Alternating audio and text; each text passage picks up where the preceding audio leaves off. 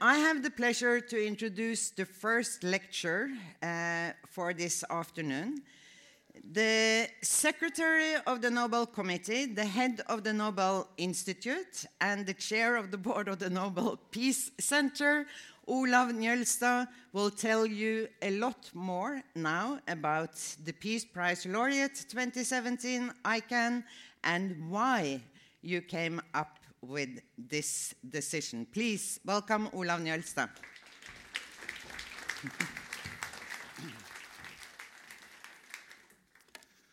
Thank you, Liv, and thank you, Willebald.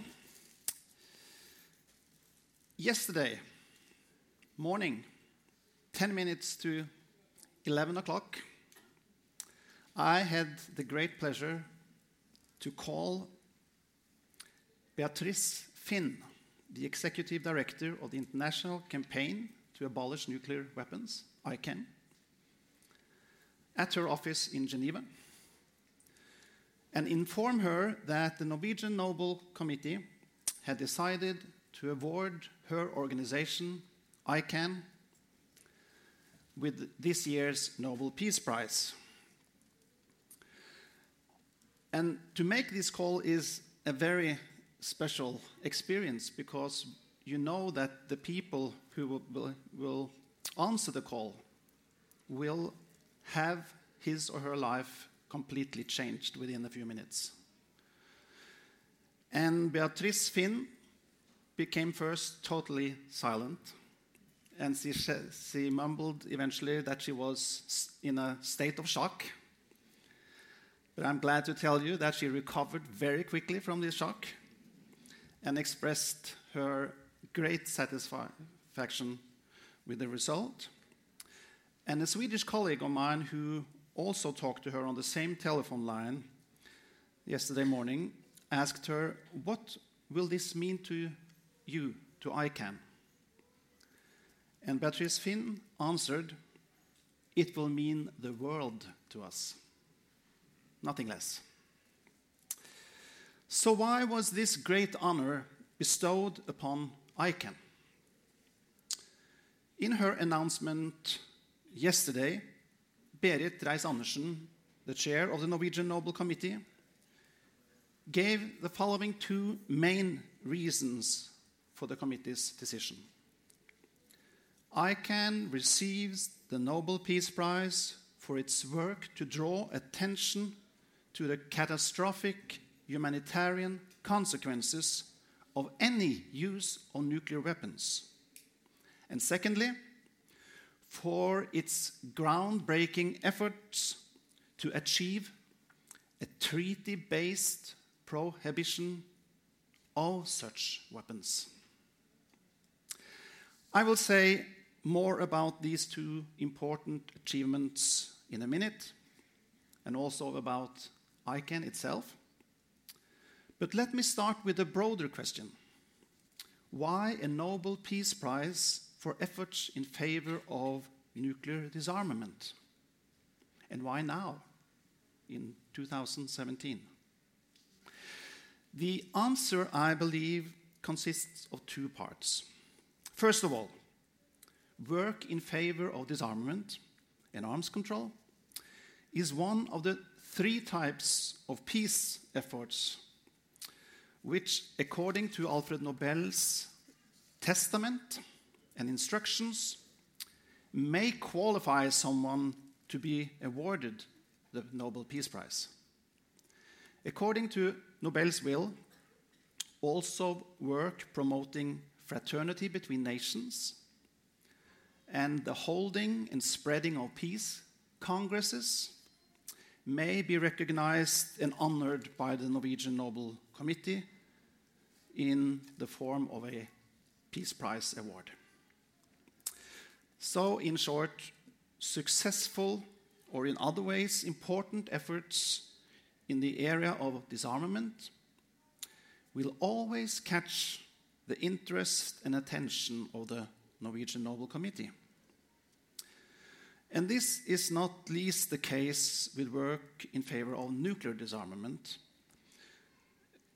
So, more than 10 times the Nobel Peace Prize have been awarded for such efforts, going back to 1959 when the British diplomat Philip Noel Baker received the prize for his work in favor of disarmament, and also including Nobel Peace Prize laureates such as Linus Pauling, Alva Myrdal, the International Physicians for the Prevention of Nuclear War, Mikhail Gorbachev, the Pugwash Movement, the International Atomic Energy, and in 2009, US President Barack Obama, who had supported the vision of a world without nuclear weapons. So, this year's prize to ICAN is part of a long and proud tradition within the history of the Nobel Peace Prize. The second part of the answer has to do with the increasingly worrisome role of nuclear weapons in today's world. As Berit Reiss-Andersen pointed out yesterday, we live in a world where the risk of nuclear weapons being used is greater than it has been for a long, long time. Some states are, in fact, modernizing, even building up their nuclear arsenals. And there is a real danger that more countries will try to procure nuclear weapons, as exemplified by North Korea. Let me add to this that for the first time since the 1950s and early 1960s, we are witnessing today political leaders, even heads of state, more or less openly threatening other countries and peoples with the use of nuclear weapons. This is very disturbing, and we can see that there is a growing fear concern in many countries that nuclear weapons may indeed be used again in a military conflict. And we can also see a growing opposition against such weapons. Now, this leads me back to the question why ICAN. It is the judgment of the Norwegian Nobel Committee that ICAN has been instrumental in bringing about two very important new developments in the field of nuclear disarmament. Developments that are changing in fundamental ways the international discourse on the subject. The first development is the diplomatic process that has resulted in a broad and an increasing international support for the so called humanitarian pledge. The humanitarian pledge is a commitment voluntarily taken upon by national states, a commitment to cooperate with all relevant stakeholders in order to stigmatize, prohibit, and eliminate nuclear weapons.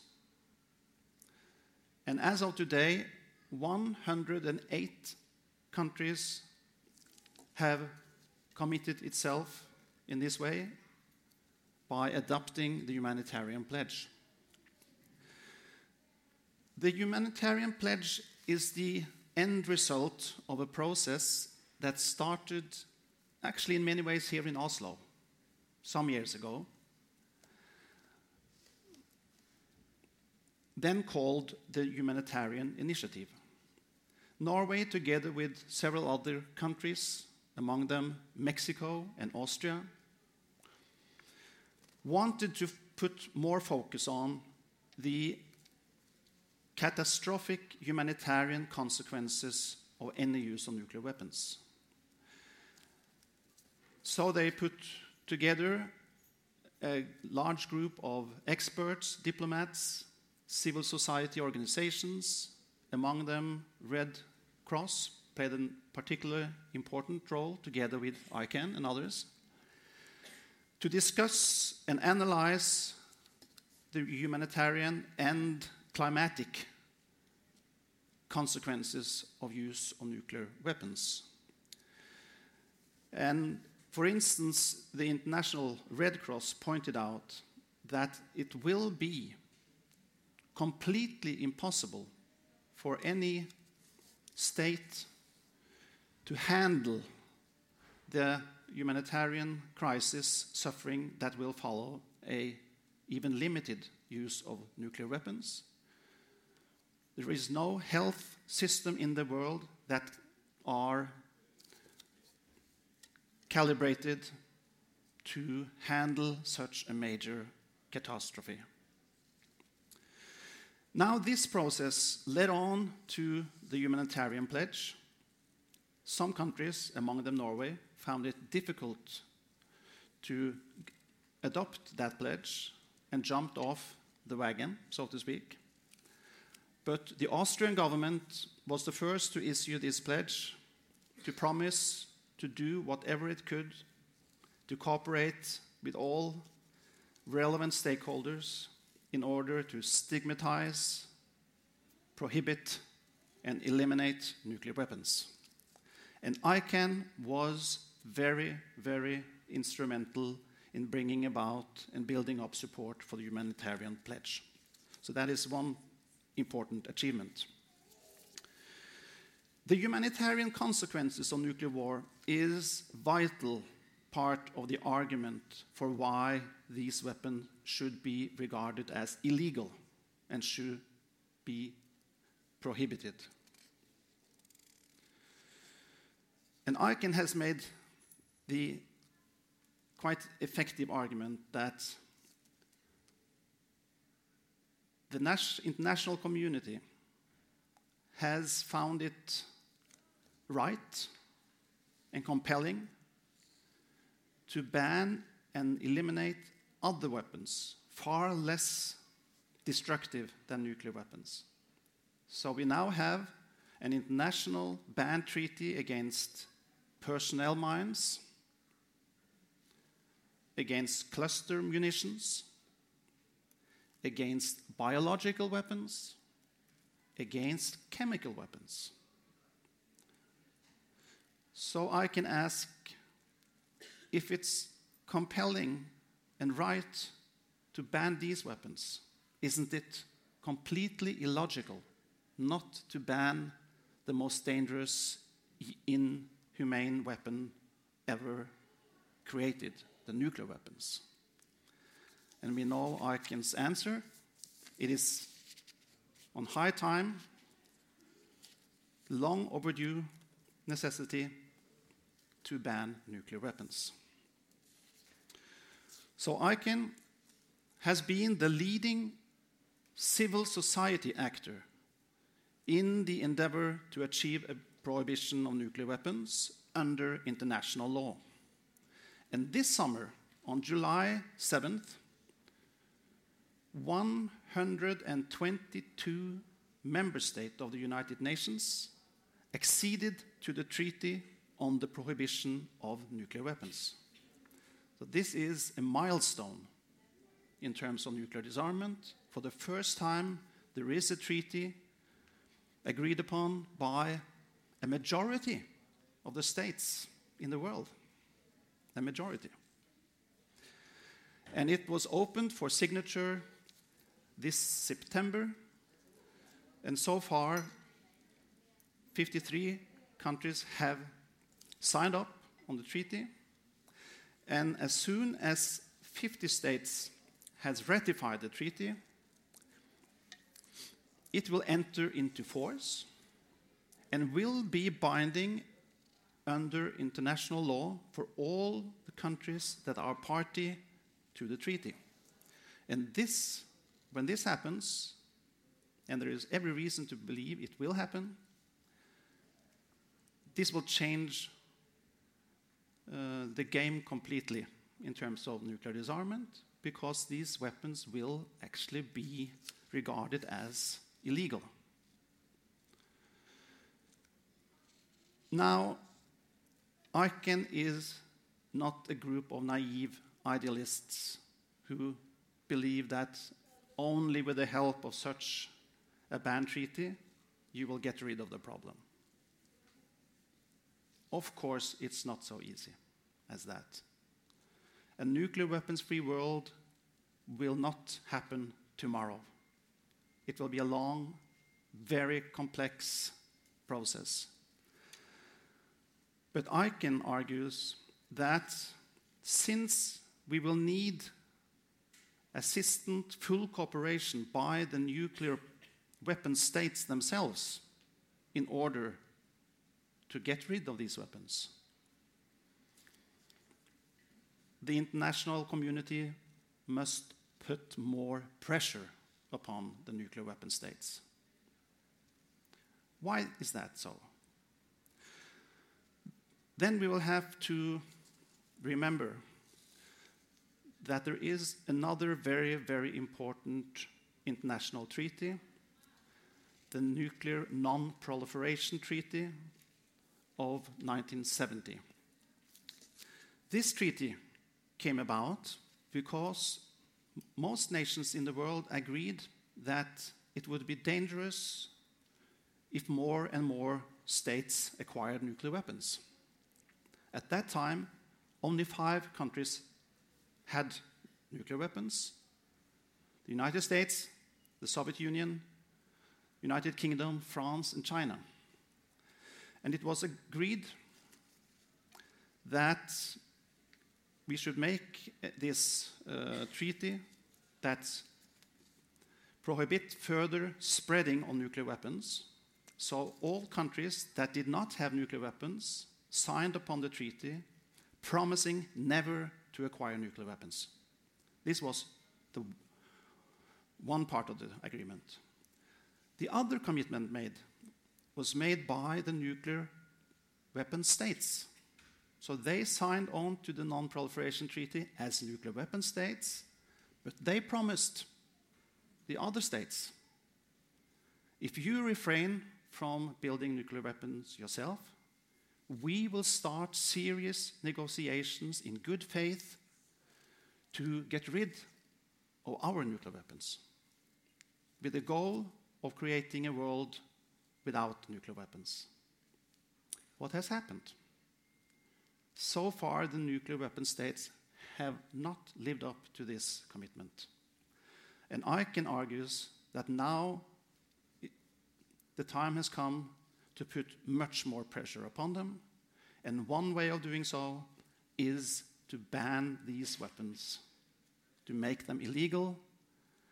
And gradually, the hope is this will also convince the nuclear power sta uh, weapon states that these weapons cannot be used. They cannot be used. And if you accept that they cannot be used, they cannot really be used to threaten anymore, and they cannot then either be used to deter someone. So nuclear deterrence is actually depending, dependent upon the willingness to use nuclear weapons. And if that willingness goes away, deterrence have no function, and hopefully one day also the nuclear power states themselves will realize this, accept this, and then be ready to move gradually towards a nuclear disarmament treaty. It is now 71 years since the United Nations General Assembly, in its very, very, very first resolution, advocated the importance of nuclear disarmament and a nuclear weapon free world. With this year's award, the Norwegian Nobel Committee wishes to pay tribute to ICAN for giving new momentum to the effort to achieve this goal. As the chairman of the committee said yesterday, it is the firm conviction of the Norwegian Nobel Committee that ICAN more than anyone else, has in the past year given the efforts to achieve a world without nuclear weapons a new direction and new vigor. Thank you for your attention.